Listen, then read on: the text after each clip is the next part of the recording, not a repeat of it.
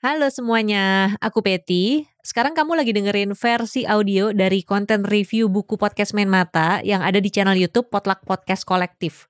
Jadi kalau kamu mau lihat versi videonya, bisa langsung ke sana dan sekalian subscribe juga boleh.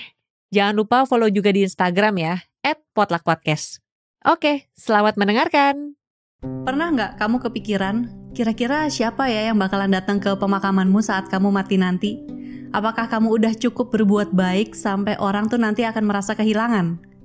Halo, aku Peti dari podcast Main Mata, salah satu podcast buku yang ada di dalam jaringan Potluck. Di channel ini aku merekomendasikan banyak buku, non-fiksi maupun fiksi. Jadi kalau misalnya kamu suka baca buku, jangan lupa subscribe channel YouTube-nya Potluck Podcast dan juga follow di Instagram @potluckpodcast. Nah, seperti yang bisa kamu lihat nih, mungkin video kali ini agak sedikit berbeda ya. Karena ini aku syutingnya di studionya Potluck Podcast. Tapi ini masih on progress sih, jadi belum selesai dan nanti pasti akan dikasih update-nya kalau misalnya sudah jadi ya. Nah, di video kali ini aku mau merekomendasikan sebuah buku. Ini buku non-fiksi, judulnya Siapa yang datang ke pemakamanku saat aku mati nanti. Kalau baca judulnya mungkin akan kedengarannya nyeremin ya, tapi sebenarnya nggak gitu kok. Jadi mengutip dari sinopsisnya nih, buku ini merupakan catatan kecil sang penulis yang berusaha untuk hidup sedikit lebih baik, sedikit lebih bahagia, dan juga sedikit lebih sejahtera. Jadi jangan takut dulu kalau baca judulnya karena isinya tuh nggak semenyeramkan itu. Bahkan menurutku sih menenangkan hati banget. Sedikit tentang penulisnya ya. Jadi buku Siapa yang datang ke pemakamanku saat aku mati nanti, ini tuh buku asal Korea Selatan, ditulis oleh Kim Sang Hyun. Yang aku baca versi terjemahannya diterbitkan oleh penerbit Haru. Jadi Kim Sang Hyun ini udah nerbitin 5 buku dan ini tuh buku pertamanya yang diterbitkan ke dalam bahasa Indonesia.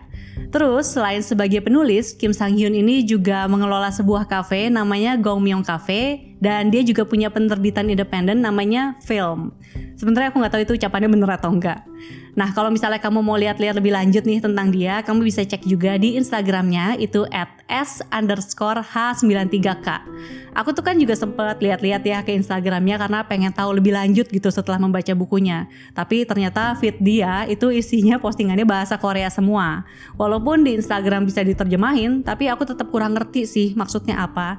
Cuman kalau misalnya kamu ngerti bahasa Korea, coba deh kamu cek ke sana karena kayaknya di situ dia juga suka berbagi cerita. Nah, balik lagi ke bukunya. Jadi, buku Siapa yang datang ke pemakamanku saat aku mati nanti ini tuh tebalnya sekitar 160 halaman, cukup tipis sebenarnya. Dan di bukunya ini terbagi menjadi empat bab. Bab pertama itu judulnya kesalahan, bab kedua itu judulnya hati yang hilang, bab ketiga judulnya sejarah, dan bab keempat judulnya semoga itu kebahagiaan.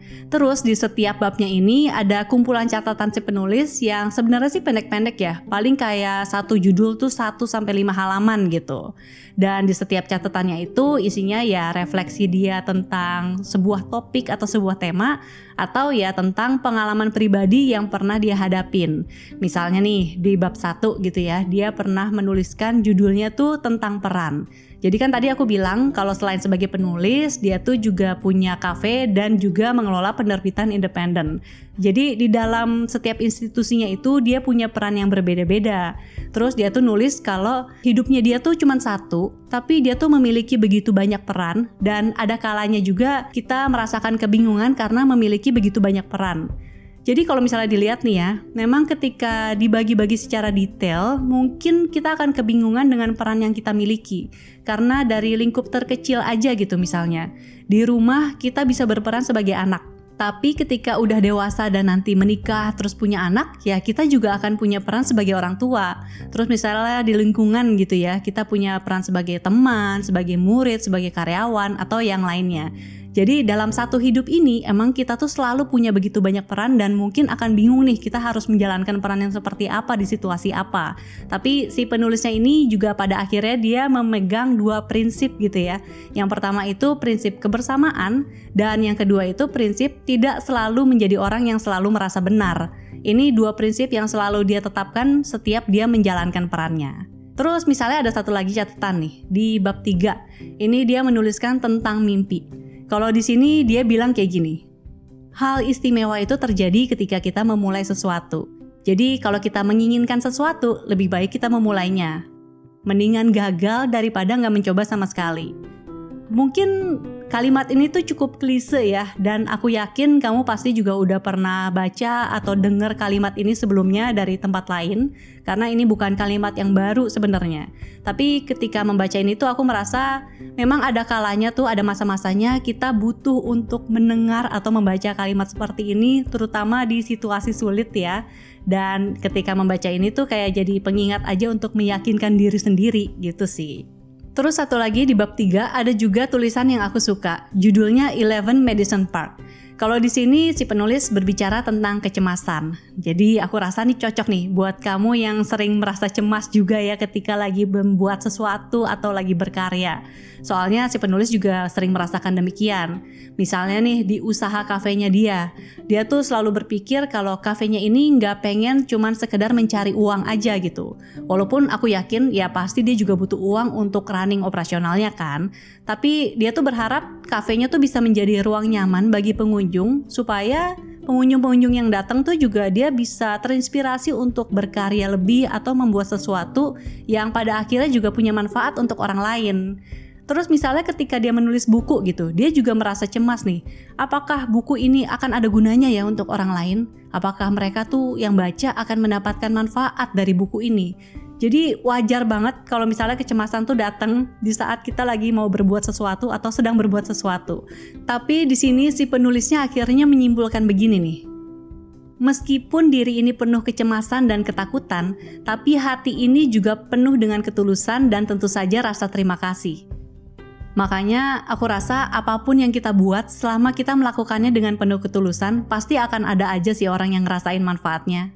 Terus menurutku juga buku ini tuh ditutup dengan pas di tulisan tentang kebahagiaan yang dia taruh di bab terakhir. Di sini penulisnya bilang gini. Jadi ketika seseorang itu hidupnya selalu dipenuhi kebahagiaan, bisa jadi dia sebenarnya nggak tahu arti kebahagiaan yang sejati karena dia kayak selalu bahagia dan nyatanya kebahagiaan itu sebenarnya terletak di antara ketidakbahagiaan dan kemalangan. Terus kalau menurutku ya, mengingat karakter manusia yang kayak gini nih, yang jarang merasa puas atau susah untuk merasa puas, terus kayak ngerasa rumput tetangga itu selalu lebih hijau, aku rasa nggak ada sih orang yang benar-benar bisa ngerasa bahagia 100% gitu seumur hidupnya.